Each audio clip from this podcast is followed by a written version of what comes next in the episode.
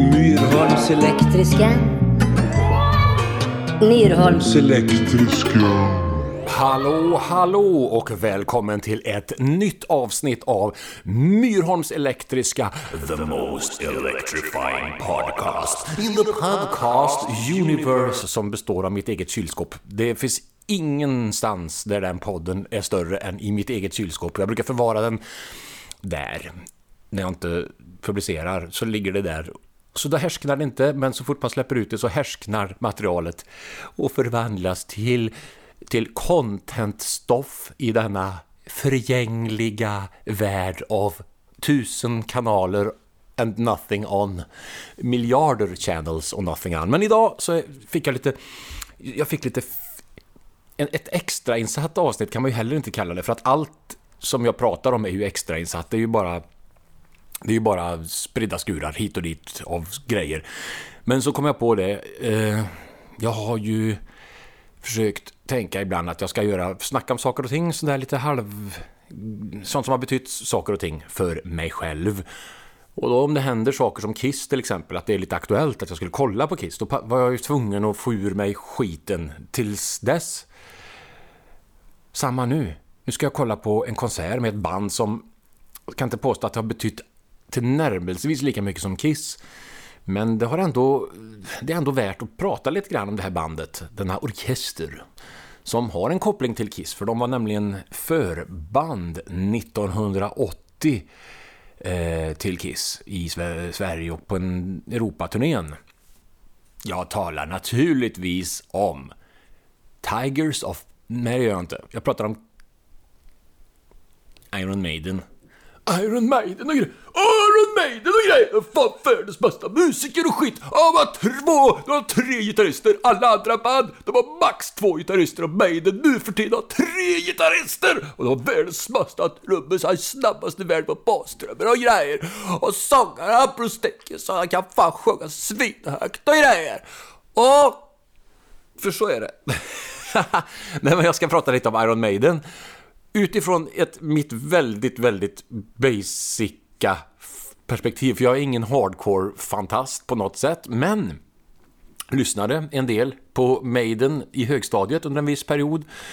Och när man läste Okej okay på den tiden så var ju de med i många nummer, så att innan jag ens hade börjat lyssna på dem så eh, då var det faktiskt så att man visste vilka det var. Man tyckte att det var alltid så här svettiga bilder i Okej. Okay. De jobbade hårt. Det var ingen det var inget glamoröst på det sättet. Det såg jävligt mäktigt ut, men det var så jävla svettband och det var nitar, nitar och grejer. Delvis, delvis nitar. Men det var även det var lite tajta brallor, långa hår, svett och hardworking rockers. Väldigt... Eh, ja, inte uppsminkat och, och stylat och så, utan det kändes ganska stylat i sig var det ju säkert på den stylingplanhalvan där man skulle ha sådana där spandexbrallor och eh, sådana gympadojor eller vad de hade och, och, och, och springa omkring och så. Men de satt ju, en, de var ju marknadsledande kan man väl ändå säga, the new wave of British heavy metal.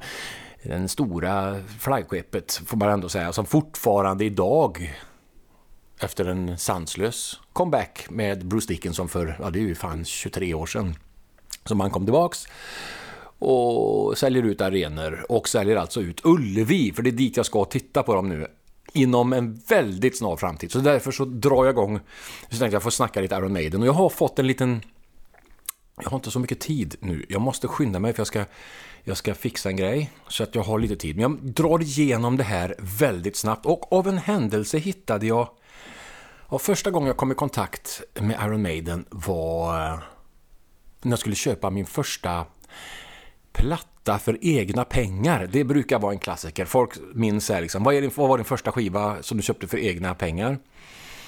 Eh, då var det, jag hade väl fått ett par skivor tidigare så här, som Fame från tv-serien har jag för mig var först. Jag kommer inte ihåg exakt årtalet där på dem, men jag hade ett par skivor. Men nu skulle jag åka ner till oktaven. Jag kanske har berättat om det här i podden förut. Jag minns inte. Det kan ha varit så. Jag har berättat det här i alla fall i något sammanhang. Men eftersom vi ska prata om Iron Maiden så finns det en koppling till just första skivan. Därför att Jag färdades ner till Oktaven i Trollhättan, beslutsångest laddad, redan på den tiden, redan som en litet barn. Idag fortfarande har inte det gett sig utan det kan vara svårt att välja. En, eh, ska man ha lök på sin pizza eller ska man ha utan lök? Eller ska man köpa en kurv med extra stark senap eller grov senap? Jag vet inte. Låt mig fundera en kvart. Låt mig återkomma imorgon. Låt mig återkomma på lunchen imorgon så får vi se. Men då så skulle jag köpa första skivan och hon i affären på Oktaven i Oden i Trollhättan. Klassiskt affärshus, klassisk affär som inte finns kvar längre.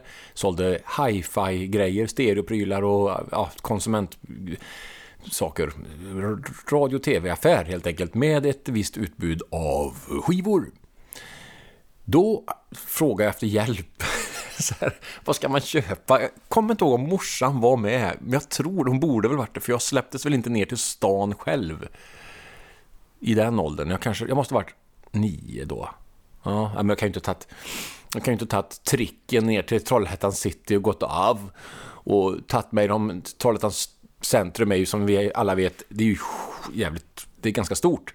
Så att jag kanske inte fick förtroendet av mamma Kajsa att, äh, att äh, ta först tricken till centrum, sen eh, pendeln till Odenhuset. En resa på cirka 100 meter. Nej, jag bodde på Läxtorp då, så att det var två och en halv kilometer, tre kilometer till stan kanske. Så, men jag tror att mamma var med och fick väl säkert något form av mentalt sammanbrott när hon väntade på mig. För jag kunde ju inte bestämma mig. För en expedit i affären sa Ja, ja här ska jag ett par förslag på skivor till den unge så gossen här. Jag tar fram Kim Wildes platta som, den innehåller Kids in America. Jag vet inte om det är hennes debut, jag tror det va? Eller? Nu är jag ute och seglar kanske. Eh, den i alla fall, den skivan. Eller Killers med Iron Maiden, som måste ha varit rykande färsk då. När fan släpptes den? Det måste ju varit 81 är det givetvis. Kunde ju förarbetat det här lite grann, men, men, men... Mm, ska vi se...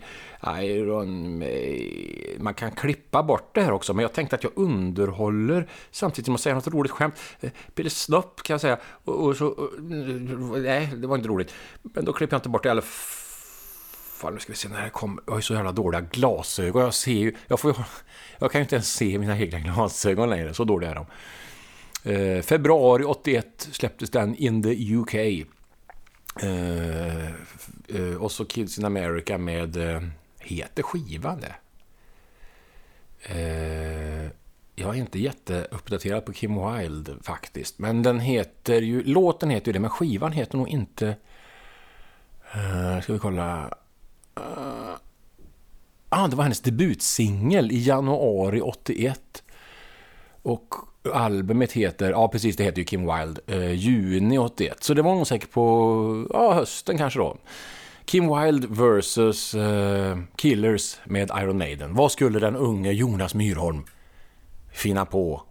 Vilken väg skulle han ta? Popvärlden, det var dörren till vänster eller New Wave of British Heavy Metal, heavy metal-vägen till höger. Svaret blev en helt annan skiva.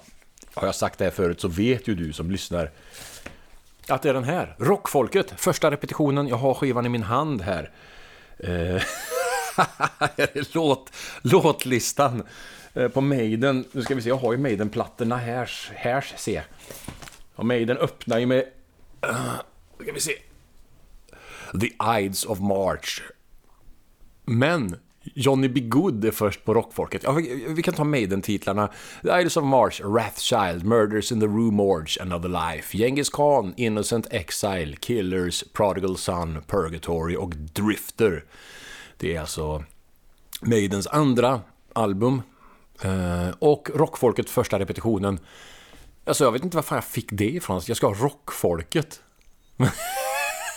Helt absurt. Det, var ju en, det var inte ens med i leken. Men jag tyckte väl att det här omslaget såg så roligt ut när medlemmarna i orkestern formar olika bokstäver med sina kroppar så att det bildar rockfolket. Ja, det är ju rockragge och, och det är... Vänta nu, låtarna. Det är Rockfolkets första skiv, första skiva, då vi aldrig förut repeterat någon gång vi är ju inte Sveriges eländigaste och sämsta show utan anledning. Så blev det vår första repetition också. Vår första skiva. Så blev vår första repetition också vår första skiva. Ja, men det var fan rätt roligt skrivet. Eh, Johnny B. Good, ja. Let's Twist Again. Cadillac. Jodel Jim. King Creole. Balla Balla. Giddy Up. Sambesi, Blue Suede Shoes, Den skrattande polisen, de kommer och tar mig iväg, haha, I want to be free, Who put the bomb och Rock a beaten boogie. Uh, ja men det, det, är ju rätt roliga rock, rock'n'roll-rökare på den skivan, men det var i alla fall så som uh, Maiden kom i kontakt med mig för första gången, fast då dissade jag dem tydligen. Ja det gjorde jag ju, för jag gick hem med rockfolket och blev en, en raggare istället. Jag blev en, en, aspirerande raggare fast jag aldrig blev det. Men jag var ändå i, i, i klass, en klassisk, klassisk rock'n'roll-platta blev det istället.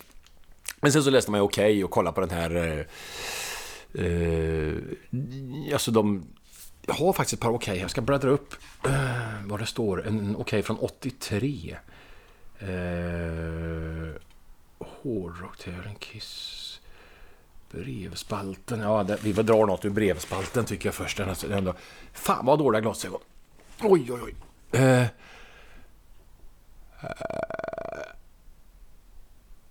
ah. Hej okej okej och alla heavy metal maniacs. Jag är en 17-årig kompgitarrist som skulle vilja komma i kontakt med andra hårdrockande killar i 16 18 års åldern. Är just du en tung basist, en skicklig sologitarrist eller kanske en hypersnabb trummis som fixar ett utpräglat dubbelbaskaggespel? Ring mig så får vi träffas och snacka, snackas vid och, som jag hoppas, starta ett heavy metal-band. Jag gillar främst Motorhead, Saxon, Thin Lizzy, gamla Kiss, men även grupper som Girl School, Sabbath, Exploiter och Samson. Jag gillar definitivt inte Heavy Load, AC/DC och dylika grupper. Jag bor i Hässelby för tillfället, så det underlättar ju ifall du bor i Stockholmstrakten. Tjejer, ring ni också. Det kan vara kul att höra från tjejer som lirar hårdrock och heavy metal. Undertecknat Ace och så ett telefonnummer i Stockholm. Mm, eh, ja, så söks det lite brevpolare här och du som... Eh, är det någon okej okay, adress? Adressen. Mm. Är det någon som gillar Harrison Ford? Ja, men vi bläddrar vidare här då. Du ska se, det stod att det skulle vara Maiden i, den här, i det här hårdrock special, sidan 32. Niklas Wahlgren. Hazy Fantasy. Anthony Andrews. Clark Brandon. Trollkarlens lärjunge från tv-serien Merlin. Ja. Aha, här var de lite... Häst, här har de faktiskt gjort en hårdrocks... Någon jävla samlingsartikel med hårdrock. Ett par veckor vi gjorde för Southampton. Varför har de blandat in? Jaha, här står det Iron Maiden. Idag är de ett av världens bästa och mest säljande heavy metal-band, men så har det inte alltid varit. De första åren var en tuff tid för Iron Maiden. Jag vet inte riktigt... Jaha, det är bara en liten så här, massa hårdrocksband. De har gjort korta... Gruppen bildades, ja det är lite historik där, de bildades 77. Hårda år, eget bolag och eh, tidigare vinter, det var alltså 83, har Iron Maiden turnerat över hela USA. Just nu är de i studion för att spela in ett nytt eh, album som förhoppningsvis finns på skivdiskarna i maj. Dessförinnan troligt är att Iron Maiden ger en eller två konserter i Sverige i juni. Det är ni hårdrockare. Ja, 83 då hade ju inte Peace of Mind kommit vid det här laget. Den kom ju lite senare det året. Skulle jag, det måste vara den skivan han refererar till, ja. Eh, ja, men då läste man lite i, i Okej okay och så. Som, som jag minns det. Nu, fan, klockan går ju ett jävla svamlande. Men eh, då var det på det viset att jag läste om dem där. Sen måste det ha dröjt. Jag hörde ju Maiden i mellanstadiet men var aldrig inne på det alls egentligen. Tror inte att jag hade någon... Ja... Första skivan var eh, Peace of Mind som jag köpte. Och det var i sjuan, helt klart. Eh, det måste ha varit så. För jag köpte den begagnad på mynthandeln. Och eh, kanske kostade 30 spänn. 40, 30. jättefint skick. Och eh, jävligt bra skiva. Den är ju min favorit om jag ska plocka en. Och sen så samma år, den plattan sålde jag ju sen. Det är en lång historia, men jag fick något sånt här, kan det ha varit i åttan, ett sånt här ryck att nej, nu säljer jag av lite gamla skivor. Jag skulle ha pengar till typ godis eller något. Jag säljer av lite gamla hårdrocksskivor. Ja, det kan ha varit i åttan. Och den var en av de som rök, tyvärr. Så jag fick köpa den sen på nytt i vuxen ålder när jag började med vinyl igen. Då köpte jag den. För, och den är så jävla bra. Asbra produktion, tycker jag. Det låter för jädra bra. Och, eh, men den skivan var i alla fall i sjuan, köpte jag den. Och så var det även i sjuan som Live After Death, denna mäktiga liveplatta. Eh, fan, vilka dåliga glasögon jag har. Fy fan vad dåligt. Jag ser ju inte, jag kan inte läsa. Eh, ja, den kom i alla fall 85. Och den var lite rolig för att den släppte de på, den köpte jag på, hette det Åhléns eller hette det Tempo då? Det hette nog, mm, det hette nog Åhlén och Åkerlunds äh, skivmanufakturatursbutik. Nej, men på Åhléns Tempo, vid, där man gick ner där. Eh, I källaren gick man ner kanske, eller? Jag kommer inte ihåg. Vid torget. Eh, och då kostade den, det är ju en dubbel-LP. Men då var det så finurligt, förstår ni, att det visste kanske inte de. Utan den var prismärkt som en enkelskiva. En ny skiva kostar 65 där. Eh, och den här kostade också 65, så att man kunde, jag köpte den där, dubbel, en dubbel-LP för en pris av en enkel-LP utan att det var aviserat som att det skulle vara en sån deal, utan det var bara så överlyckligt bra att man kunde göra ett sånt klipp. Och då köpte jag den skivan och den lyssnade jag mycket på i, på Läxtorpsvägen 741 hade vi flyttat till så dags. Satt jag med mammas stereo och lyssnade i lurar och tyckte att det var, lät för jävla bra. Eh, allting. Och, eh, så den skivan den låg mig varmt om hjärtat. Den var också en sån som jag sålde sen då i det här förvirrade tillståndet när jag, när jag inte tänkte att jag kommer aldrig lyssna på dem igen. Men i, då sålde jag den. Men den fick jag tillbaka av en kollega för säkert, ja men det är nog en 8-10 år sedan kanske så hade han den och han, hade inte, han lyssnade inte på vinyl så han gav den till mig. Jag fick den av honom. Men så köpte jag eh, en eh, flaska vin. Ganska bra vin som han fick istället. Så, som jag bara tyckte att det är klart du ska ha någonting för den. Så jag köpte det till han och då blev han glad och då blev jag glad för att jag hade skivan igen. Och det är en Kanadapress. Jag tror att det var det som var grejen med de här Åhléns-plattorna. Jag har för mig att det var en Kanadapress jag hade då. Det här är det i alla fall. Jävligt bra skiva. Eh, den köpte jag ju då, kan man ju påstå. Det var ju då när den kom egentligen, den vevan i alla fall. Och... Uh, Power Slave som ju kom 84. Fan vilket vad rörigt det blev. Men det, det, jag tar dem i den ordningen jag köpte dem. Det är nästan bättre. Men sen så hade jag inte... Sen när Somewhere in Time kom 86, då var jag fortfarande, men då var jag fortfarande ett, ett, i hårdrocksvärlden delvis. Jag hade börjat lyssna på lite andra grejer, men då, då var jag fortfarande sådär att jag skulle köpa den när den kom. Och det omslaget är ju jävligt coolt med alla detaljer, det vet ni som vet vilken skiva det är. Annars kan man kolla det. Det, det är ju smockfullt med olika detaljer. Jätteroligt omslag och en ganska bra platta som jag minns det. Åtminstone Wasted Years tyckte jag och är fortfarande en jättebra låt. Den gillar jag. Och solot, mycket bra. Mycket bra solo. Men sen så, så hade jag ju lite grejer på band.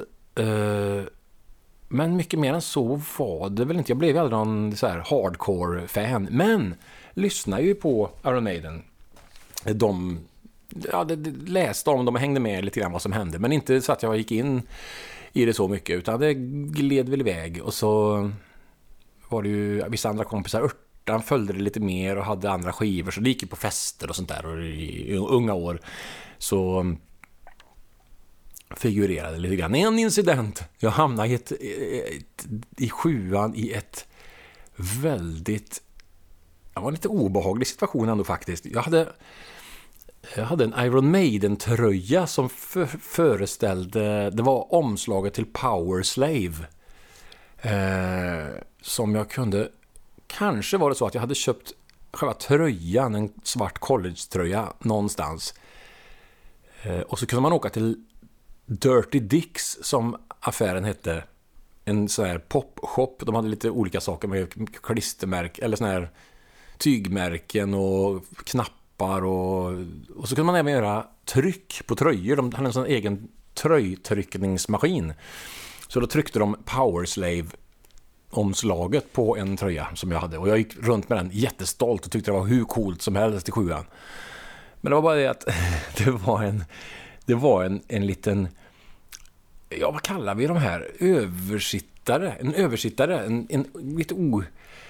Det finns ju sådana personer man har träffat under hela sitt liv som sådana som anser sig vara lite i rätt rätten att uttala sig om andra på ett lite nedvärderande sätt och kanske till och med dessutom ägna sig åt, lite åt det hållet att hacka på folk och vara lite elaka mot människor på ett sätt som man ju inte ska vara, för man ska vara, man ska vara snäll mot folk. Men det var en, en, en jag vill kalla dem också idioter, kallar vi dem. Jag kallar dem, han kallar jag det, för han var en idiot. Jag vet inte hur han är idag, han kanske har blivit en icke-idiot, men då var den här personen en, en person som inte tyckte att, eh, eh, han gick i åttan i alla fall och betedde sig lite underligt. Inte sådär så att det var jättemycket, men eh, den här situationen så gjorde han det i alla fall. Och eh, jag kom gående med min Powerslave-tröja på mig och blev på något sätt knuffad i korridoren eller om det var krokben eller något. Jag for i backen på något sätt. Det var han som låg bakom det här och det var någon hånfull kommentar. Kanske relaterat till Iron Maiden. Ja, jo, men det var det. det. det. var relaterat till det. Alltså, har du tröja på dig? Ful tröja, typ så här. Ja, det var ju inte mycket mer med det. Sånt kan ju hända.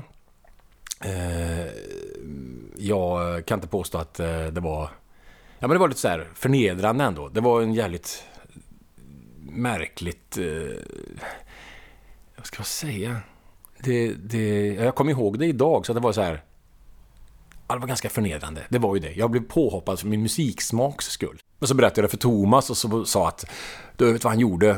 Han sa att det här skitful tröja eller typ något sånt där. Och, och så fällde han mig och så, åh herregud vilken jävla idiot. Ja, då var det så att Thomas berättade för en annan kille som gick i åttan. Som i sin tur berättade för en annan kille som gick i åttan. Som inte... som också var hårdrockare. Han hade ett accept-ryggmärke vill jag minnas. Jo, men det är jag nästan säker på. Ja, han var... Ja, herregud. En som jag verkligen var rädd för. Som alla var rädd för. En som inte... Han saknar fullständigt hämningar. Så när han fick höra det här att... Du, att någon hade hoppat... Någon hade hoppat på en för att han gillar hårdrock. Då blev han... Vad fan säger du? Så, och då tyckte han att det var en bra anledning för honom att liksom få slåss helt enkelt. Och det som sen hände, det var ju fruktansvärt. Men han, hade gå, han gick fram till den här som hade knuffat ner mig. Och Jaså, du gillar inte hårdrock? ja, jag skrattar ju, men det är ju, det är ju tragiskt. Men det var ändå lite gött. Men då hade han gått fram till honom och sagt bara, alltså du gillar inte hårdrock och drämt skåp, man hade ju skåp på Petersberg, drämt den här skåpet klämt in hans, med huvudet på något sätt så han slog till han. Och sen hade han bara gett sig på honom och, och ja, han gav honom ju ett ordentligt kokstryk. Det är ju fruktansvärt. Men så var det. Och jag hade ju inte initierat det här för fem öre. Det här var ju krafter bortom min kontroll. Jag berättade ju bara för, berättade bara för Thomas vad som hade hänt och han berättade och det spred sig vidare och, och liksom... Sen att det hamnade i... Det, det, det var som en det var som en blomma som väntade på att bli pollinerad. Den bara väntade på att en, trig en trigger skulle bara sätta igång. Så han satt ju standby med nävarna redo och bara lät dem spela. Och jag kan ju säga så mycket som så att jag, behöv, jag fick inte höra någonting om att jag hade en ful hårdrockströja någonsin mer under den skoltiden. Men eh, ja, så gick det till när farfar var ung. Eh, men Iron Maiden i alla fall, så då, ja men då gled jag ju lite grann eh, ur hårdrockssvängen så. Men de har ju ändå funnits med under årens lopp. Och så sen när jag började med vinyl igen, då fick jag ju eh, åter eh, koppla lite grann till eh, ja, som sagt skaffa ju Live After Death igen. Peace of Mind igen. Peace of Mind har jag köpt sen på CD. För den var ju så jävla bra. Och så någon sån här Greatest Hits eh, CD hade man ju lyssnat på en del. Så här. Men, låtar som har etsat sig fast ändå. Som, utan att jag har haft koll på dem sådär jättemycket. Can I Play With Madness? När den skivan kom, Seven Son of a Seven Son, då gick jag i ettan på... Vad singel borde? Ja, det var ju 88 i alla fall. Jag började gymnasiet 88. Och då då eh, var var den eh, låten tyckte jag var jävligt bra. Sen, sen eh, lyssnade jag inte på den skivan, så, men den köpte jag ju sen i modern tid nu. Så de skivor som jag har, det är faktiskt... Eh, första skivan fick jag billigt på vinylskrubben i Vänersborg för några år sedan. Eh, för den var lite sleten och sådär. Men det kan vara kul att ha. Det är ju några klassiska låtar. Jag gillar ju Running Free, tycker jag är jättebra eh, Charlotte the Harlot och inte minst låten Iron Maiden. Den har jag. Så köpte jag Killers, köpte jag faktiskt då efter mycket om och men. Efter, efter typ, eh, ja det var väl ett par tre år sedan kanske som jag köpte den. Eh, det är ju en asbra skiva. Det är ett jävla drag och eh, väldigt punkigt och mycket sån fruktansvärd energi. Eh, inte minst Murders in the Room Mords är nog favoritlåten där. Jättebra låt.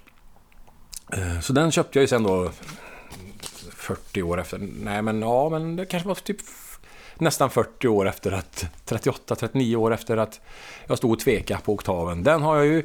Och sen så har jag ju då eh, Seven Son of Seven Son of Seven Chang. Ja, jag har inte lyssnat så jättemycket på den, men eh, ja, det finns ju några låtar. The Evil That Men Do, det är ju en skitbra låt. Can I Play With Madness? Yes. Infinite Dreams? Jättebra ja, det är en kanonplatta helt enkelt. Och så Summer in Time, den sålde jag aldrig, den har jag kvar. Eh, som jag sa förut, Wasted Years, jättebra. Eh, Heaven Can Wait också, mycket bra låt. Summer in Time, ja visst. Uh, ja, men där finns några bra låtar där i alla fall. Och så köpte jag även nu i modern tid Power Slave, för det är ju, det är ju en metal-klassiker, verkligen. Two Minutes to Midnight och uh, Aces High är ju Ja, det är bra grejer. Och Peace of Mind har vi här och Live After Death. Så det ska bli kul att se Maiden. Jag har aldrig sett dem uh, live mm, då. Det har varit på gång någon gång sådär att man skulle gå och kika, men det blev inte. Jag tror den hette Somewhere on Tour 2008 kan det ha varit det, eller något sånt där. Då var de på Ullevi med den här, de körde ju verkligen en, en 80-tals retro scenbygge grej. Och ja, det, det hade jag var så jävla nära på att åka ner vinst och förlust, men det blev aldrig av. Och det, det ångrar man ju. Man ska bara göra det egentligen. Uh, här är vi framme vid nummer 21. 84, vad fan kan ha hänt då med Iron Maiden? I, jag pratar alltså om, okej, okay, jag ska slå upp här, då hade det ju gått en tid. Uh, Iron Maiden, jaha, nu ska vi se. De var färgreportage, sidan 20. Ah, ja, men titta, det är ju ett reportage. Det är ju för fan ett... Följ med järnjungfrun bakom järnridån. Iron Maiden valde att göra ett smått vansinnigt äventyr av inledningen till sin World Slavery Tour. Ulf Magnusson, det stora Iron Maiden-freaket på OK, följde bandet i hälarna på The Iron Curtain Mission. Här är hans rapport. Precis, de gjorde ju spela bakom järnridån. Det, det var ju en stor grej på den tiden, att de turnerade där. Uh, och den turnén var ju så sjuk. 300 spelningar på 13 månader. det, oj, oj, oj. Spelade i Warszawa här, ja. Uh, oh, jätte... Iron Maiden Football Club. Ja, det tyckte man också var lite kul att de spelar fotboll. Det läste man ju att Steve Harris är ett West Ham-fan. Det är ju helt, helt otroligt. Ja, så här har vi en idolbild på Nico McBrain. Och... Eh, mm, World Slavery Tour har rullat igång. Iron Maiden är på vägen igen. Åh, herregud. Någon gång under turnén ska vi spela in ett livealbum som ska släppas Eh, någon gång under nästa år berättar Bruce Dickinson när vi äter middag efter gigget i, Vars, i Wroclaw. En middag som består av några, ka, några kalla majskolvar och en skål jordnötter. Men Iron Maiden bryr sig inte. Huvudsaken är att vara hemma igen. Vara hemma inom citationstecken. Ja, det blev i alla fall ett mäktigt livealbum. Det kunde man ju minst sagt lugnt konstatera. Jag ska ta en liten koll på vad som Okej okay, skrev 1985, för då var de, ja, det var de med med också. 85, ja. Bruce Kulick är med på en affisch. Eh, Iron Maiden actionreportage. Jaha, vad är det? 44-45 sidor. Nej, Kiss. Hur kommer det gå för Kiss när Gene får fler filmroller? Ja, det vet vi ju. Eh, ska vi kolla vad Iron Maiden har hittat på. 1985 i nummer 8 i OK. Oj, oj, oj! Engelska hårdrock, vilket har lagt Amerika för sina fötter. Uh, Iron Maiden hyllas av tiotusentals vrålande fans när ljusen släcks och... Med Eddie the Mummy, bomber, fyrverkerier, eldar och sin egyptiska scendekor har Iron Maiden lagt Amerika för sina fötter. De har lyckats bli ett av amerikanernas favoritband trots hårt motstånd från radiostationerna. Ja, för det här är det ju... Det är ju då de spelar in den i Amerika. Det är väl Long Beach, är det inte det? Scream for me Long Beach. Såklart att det är, men det vet man aldrig att om det är Long Beach. I, i, det är som i wrestlingvärlden, du vet ju inte att okej okay, den här gubben, är han 2,07 eller är han 1,50? För det är wrestlingfakta är inte samma som rockfakta. Och det, i rockens värld kan det vara en liveplatta som vi ju vet med Kiss. Det är ju lika mycket live som, som det här är live.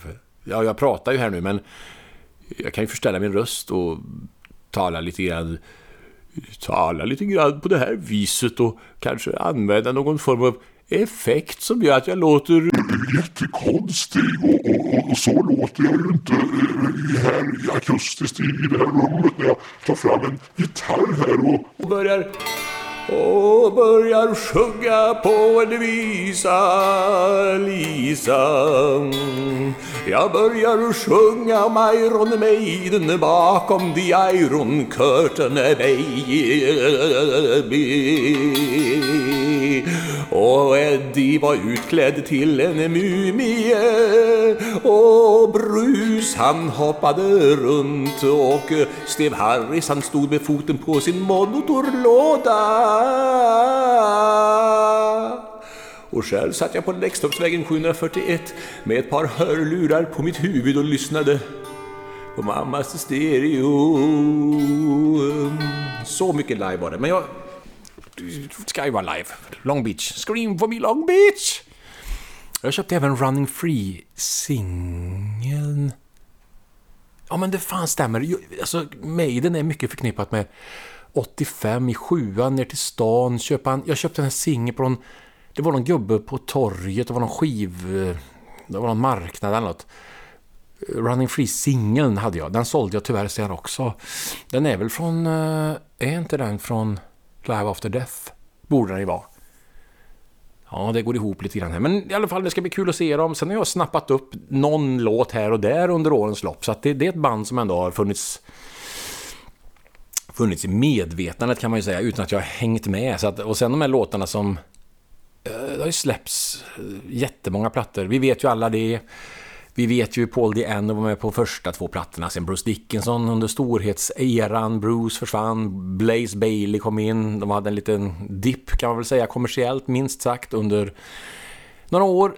Dickinson kom tillbaka och bandet blev återigen ett av de stora akterna, kanske större, ja, större än någonsin får man väl säga, just, just uh, typ sälja ut, sälja ut Ullevi och såna här grejer. Det, det har de ju gjort några gånger och så spela på sådana typ av jätteställen.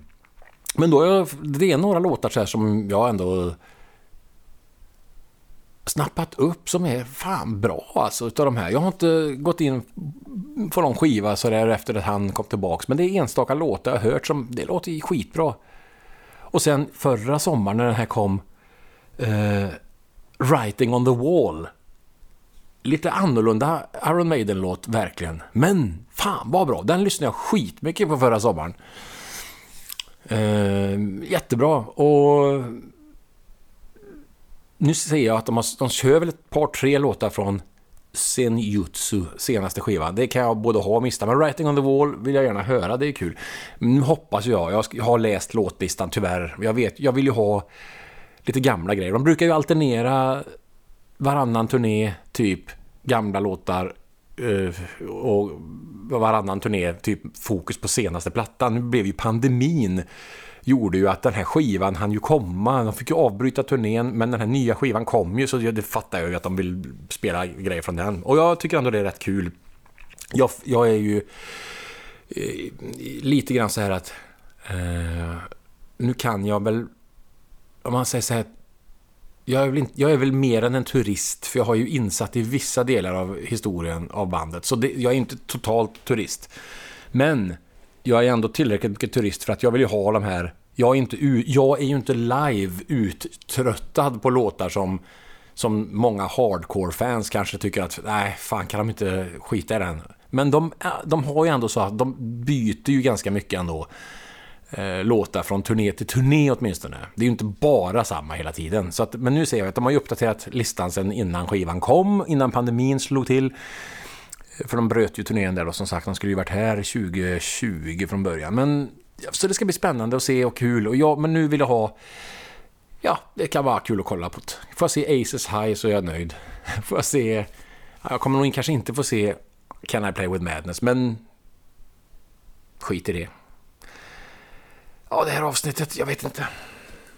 Så jävla dåligt. Så jävla mycket svammel och skit. Men jag pratar lite Maiden och lite grejer och vi ska, det ska bli kul. Så uh, ses snart igen. Puss och kram och tack för alla saker. Hej då. Myrholms elektriska. Myrholms elektriska.